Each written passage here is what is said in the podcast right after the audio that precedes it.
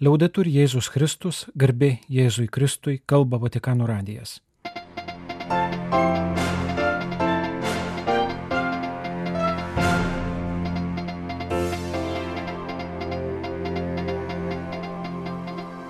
Malonus klausytojai šioje programoje.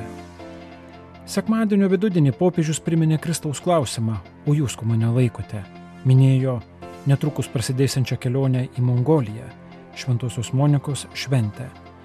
Meldė už Ukrainą ir gaisrų siaubiamą Graikiją, kurioje ugnis pasiglemžė žmonių gyvybės, pasiekė istorinius vienuolynus.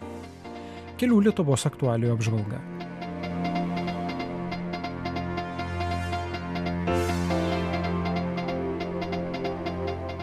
La gente, chi dice che sia il figlio dell'uomo? Kuo žmonės laiko žmogaus sūnų? Šis Jėzaus klausimas yra dienos Evangelijos ir popiežiaus Pranciškaus vadovauto sekmadienio vidudienio maldos susitikimo Šventojo Petro aikštėje centre. Ką žmonės kalba apie Jėzų? Paprastai pažymė Pranciškus gražius dalykus. Daug kas jį mato kaip didį mokytoją, kaip ypatingą asmenį, gerą, teisingą, drąsų, nuseklų. Bet ar to pakanka suprasti, kas yra Jėzus? Ir ypač ar to pakanka pačiam Jėzui? Ne. Jei jis būtų tik praeities veikėjas, kokiais to laiko žmonėms buvo kiti Evangelijoje minimi žmonės - Jonas Krikštytojas, Moze, Elijas ir didėjai pranašai, jis būtų tik gražus atminimas iš praėjusių laikų. Bet Jėzui tai netinka. voi, chi dite che io sia? O ko jūs mane laikote? Užduoda esminį klausimą viešpats mokiniams. Jis nenori būti istorijos veikėjų ar praeities pranašu. Jis nori būti mums artimų dievų. Cristo, fratelli e sorelle, non è un ricordo del passato, ma il Dio del presente. Kristus yra ne praeities atminimas, bet dabarties Dievas, sakė popiežius Pranciškus. Jei jis būtų tik istorinė asmenybė, sekti juo šiandien būtų neįmanoma. Atsidurtume prieš didžiulę laiko prarąją, prieš pavyzdį, kuris yra tarsi labai aukštas ir neįkopiamas kalnas. Norėtume jį įkopti, bet neturėtume gebėjimų ir reikiamų priemonių. O Jėzus priešingai yra gyvas ir mus lydi. Jis yra šalia mūsų. Jis siūlo mums savo žodį ir malonę, kurie mus apšviečia ir atgaivina kelionėje. Jis patyręs ir išmintingas vadovas džiaugiasi mus lydėdamas sudėtingiausiais takeliais. Brangus, broliai ir seserys, gyvenimo kelyje nesame vieni, nes Kristus yra su mumis ir padeda mums keliauti taip, kaip padėjo Petrui ir kitiems mokiniams, kalbėjo Pranciškus. Būtent tai malonės padedamas Petras suprato ir atpažino Jėzuje, Mesiją, gyvojo Dievo sūnų. Ne personažą iš praeities, bet dabartyje laukiamą Mesiją. Non è un eroe defunto, Nemirusi didvyrį, bet gyvojo Dievo sūnų, tapusi žmogumi, kad dalytųsi mūsų kelionės nuovargiu ir džiaugsmu. Tad nepraraskime drąsos, jei kartais krikščioniškojo gyvenimo viršūnė atrodo per aukšta, o kelias per status. Žvelkime į Jėzų, kuris eina šalia mūsų, priema mūsų silpnybės, dalyjasi mūsų pastangomis ir uždeda savo tvirtą ir švelnę ranką ant mūsų silpnų pečių.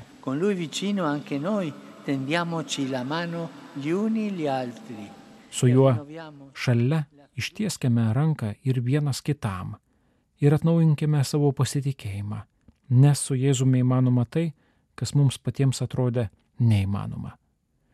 Šiandien, pasak Pranciškaus, mums pravartu pakartoti svarbų jį klausimą, nuskambėjusi iš jo lūpų, o ko jūs mane laikote?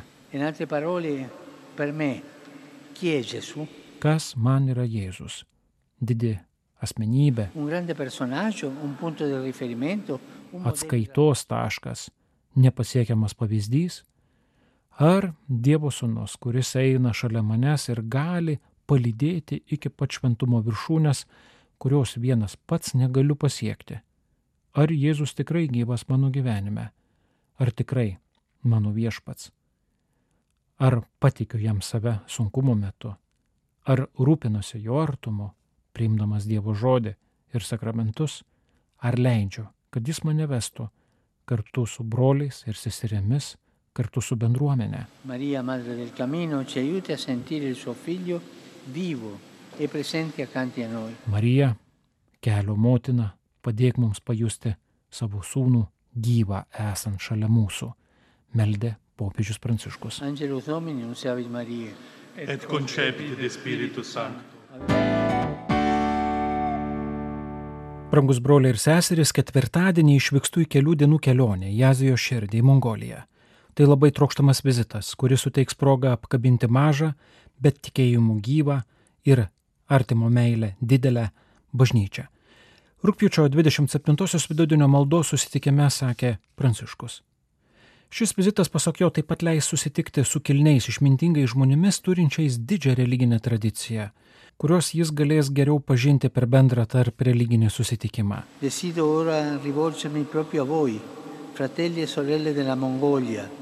Dabar norėčiau kreiptis į jūs, Mongolijos broliai ir seserės, ir pasakyti, kad džiaugiuosi galėdamas keliauti ir būti tarp jūsų kaip visų brolis. Dėkoju jūsų valdžios institucijoms už kvietimą ir visiems tiems, kurie su dideliu atsidavimu rengia mano kelionę. A tutti chiedo di accompagnare questa visita con la preghiera. Visų prašau lydėti šį vizitą maldą, kalbėjo šventasis tėvas. Maldoje miniu pastarosiomis dienomis Šiaurės rytų Graikijoje kilusių gaisrų aukas ir solidarizuojusi su visais Graikijos žmonėmis. Restiamo sempre vicini anche al popolo ucraino. Išlikime artimi ir nuo karo kenčiantiems, labai kenčiantiems Ukrainos žmonėms. Nepamirškime Ukrainos. Rūpiučio 27-osios vidudienį Šventojo Petro aikštėje ragino Pranciškus. Jis priminė ir sekmadienį minėtą Šventosios Monikos liturginę šventę. Santa Monica. Šiandien prisimename Šventąją Moniką, Šventojo Augustino motiną. Savo maldomis ir ašaromis ji prašė viešpatės, kad jos sunus atsiverstų. Ji buvo stipri moteris, šauni moteris. Melskime už daugybę motinų, kurios kenčia, kai jų vaikai šiek tiek pasiklysta arba eina sunkiais gyvenimo keliais. Per favore non dimenticatevi di pregare per me. Buon pranzo e arrivederci. Nepamirškite pasimelsti už mane, gerų pietų ir iki pasimatymo atsisveikino popiežius. Jau keletą dienų įvairiuose Graikijos regionuose siaučia dideli ir sunkiai įveikiami gaisrai, su kuriais kovoja šimtai ugnegesių ir savanorių.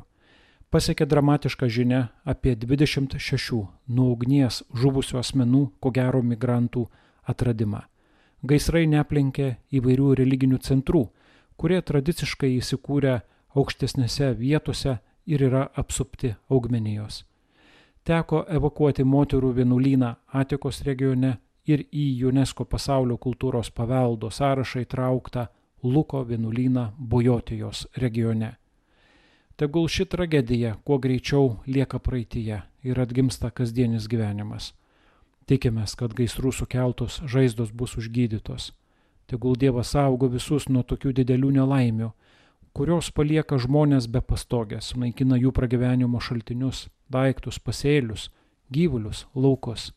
Tegul Dievas mus laimina, sakė Konstantinopolio patriarchas, kalbėdamas apie gaisrus aplink Aleksandrupolį, netoli sienos su Turkija ir kitose vietose. Vasariniai gaisrai Graikijoje nėra naujiena, tačiau ypatingai įkaitęs oras ir vėjas prisideda prie itin didelių, labai greitai plintančių, mirtinais pastais žmonėms ir gyvūnams virstančių gaisrų kilimo. Būtent iš pasienio regiono pasiekė žinia apie tai, kad rastos dvi grupės žuvusiųjų. Vienoje buvo 18 asmenų, tarp kurių bent du vaikai, o kitoje 8 asmenys. Beveik nėra bejonių, kad tai buvo migrantai, bandę pasiekti Europą. Patriarchas Baltramiejus, cituojamas internetinės žinių svetainės Orthodox Times, išreiškė užuojautą dėl šių dramatiškų, taip pat kelių vietinių gyventojų žučių, daug apsinuodėjimų dūmais ir smalkėmis, įskaitant ugnegesių tarpę. Iš gaisrų apimtų vietovių teko evakuoti daug žmonių.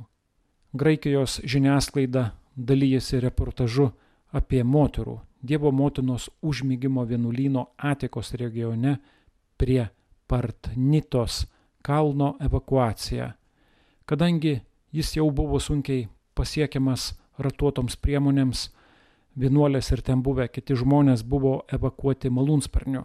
Gelbėtojams teko daug kartų virve nusileisti ant žemės, kad po vieną asmenį įkeltų į ore kybančią mašiną.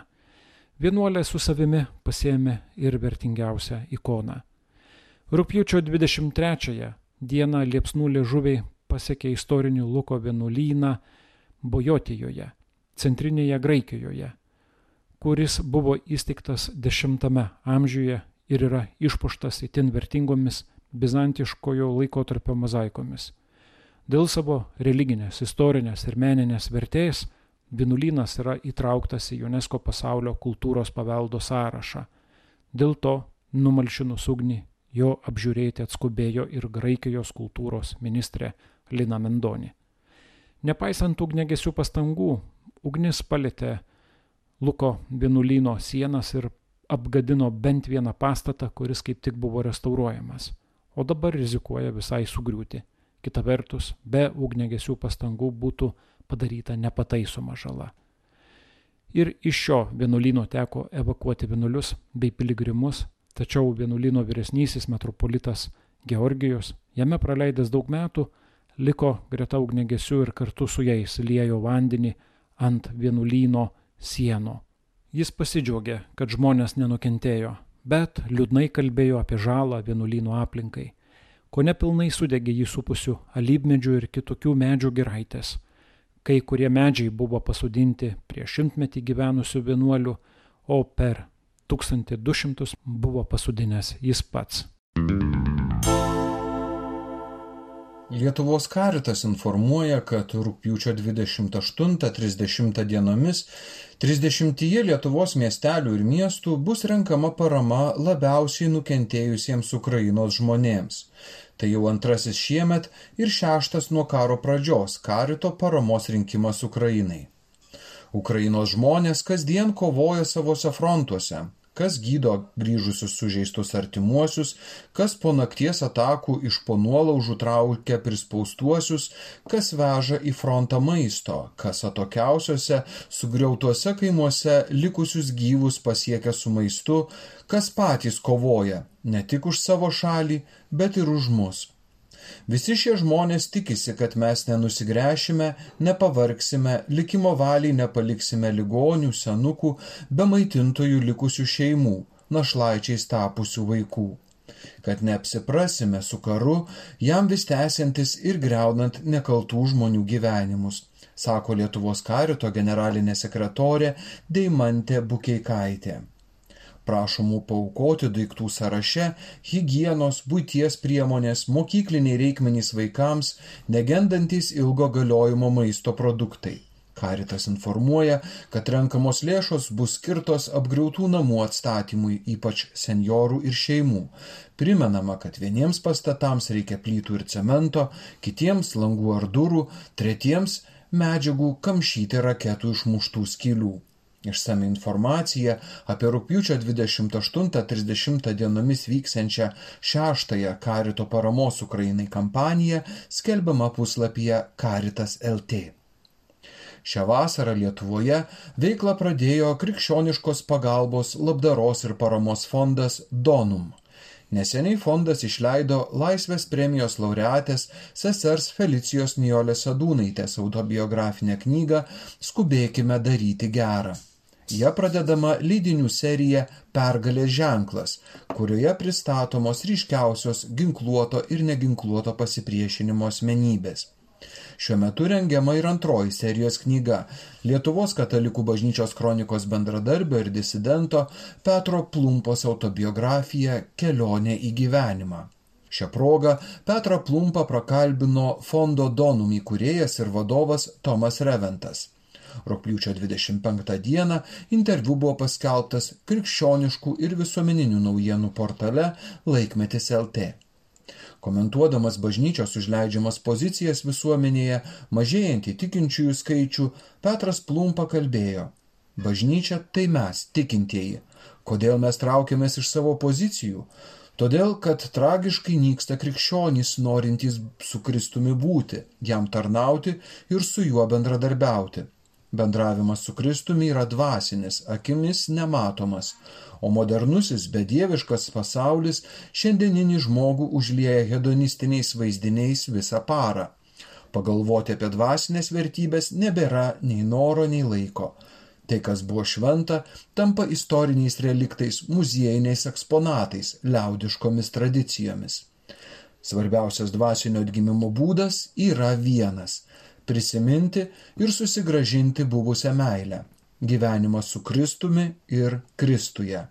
Ta nesunkiai galime pasiekti, jeigu patys savo atsakysime į klausimą, kodėl mes to nedarome, kalbėjo Petras Plumpa, kurio autobiografijos leidimą rengia Krikščioniškos pagalbos labdaros ir paramos fondas Donum. Vilniaus arkiviskupijos jaunimo centras rugsėjo 2 organizuoja tradicinį piligriminį jaunimo žygį nuo aušros vartų iki trakų Dievo motinos. Rūpiučio 26 dieną apie būsimą piligrimystę bei pasaulinių jaunimo dienų patirtis dienraščiui Bernardinai LT papasakojo jaunimo centro bendradarbiai, pasidalyję mintimis ir apie šių metų piligrimystėj parengtą temą - ant Sinajaus kalno moziai Dievo ištartų žodžius Aš esu. Centro vadovė Kristina Trinkūnaitė atkreipė dėmesį į tai, kad šiais laikais, kai yra tiek daug dėmesį blaškančių dalykų, tokių kaip nuolatinis informacijos rautas ir greitas gyvenimo tempas, pasidaro sunku tiesiog būti. Bet Dievas mums nori padėti atsisakyti to, kas taip stipriai įtraukia, ir susitikti tiek su savimi, tiek su juo pačiu, nes jis yra visur. Pastebėjau, kad ši buvimo su Dievu tema vis atsikartoja įvairiose veiklose, kalbose, atsikartoja net apibendrinant diskusiją ar pasidalinimą. Tad susėdę su komanda prie stalo pasitarti, kartu pasimeldę, vieningai sutarėme, kad ieškosime temos, kuri kvieštų mus mąstyti apie viešpaties buvimą ir buvimą su juo. Pasirinkome moziai tariamus žodžius - aš esu Tačiau tai tik pirmasis momentas. Nuo jo atsispyrę keliausime žygio metu apmastydami ir kitas šventojo rašto vietas, kuriuose Dievas sako aš esu. Šis skirtingų ištraukų apmąstymas taip pat parodo, kad Dievas yra su savo tauta pačiose įvairiausiose situacijose, nuo istorijos pradžios iki paskutinės akimirkos, kalbėjo Kristina Trinkūnaitė nukryžiuotojo Kristaus kongregacijos sesuo, jaunimo centro referentė Dėlė Pilipavičiūtė, piligrimystę apibūdino mus žadinančią širdies maldą kojomis. Ji taip pat priminė, kad vienas iš būdų padedančių artimai susitikti Dievą yra mūsų pačių susitikimas su savo širdies tikrove, o piligrimystė pėsčiomis tam puikiai tinka Kai visą dieną keliauji, tiesiog nebeturi jėgų kažką vaidinti, lieki tikras ir paprastas. Vėjas nupučia tas kasdienybės dulkeles, o viešpats randa būdų, kaip šitą svarbaus apie tavo širdį papasakoti, sakė sesuo Adelė Pilipavičiūtė. Gedrius Tamaševičius, Vatikano radijui iš Vilniaus.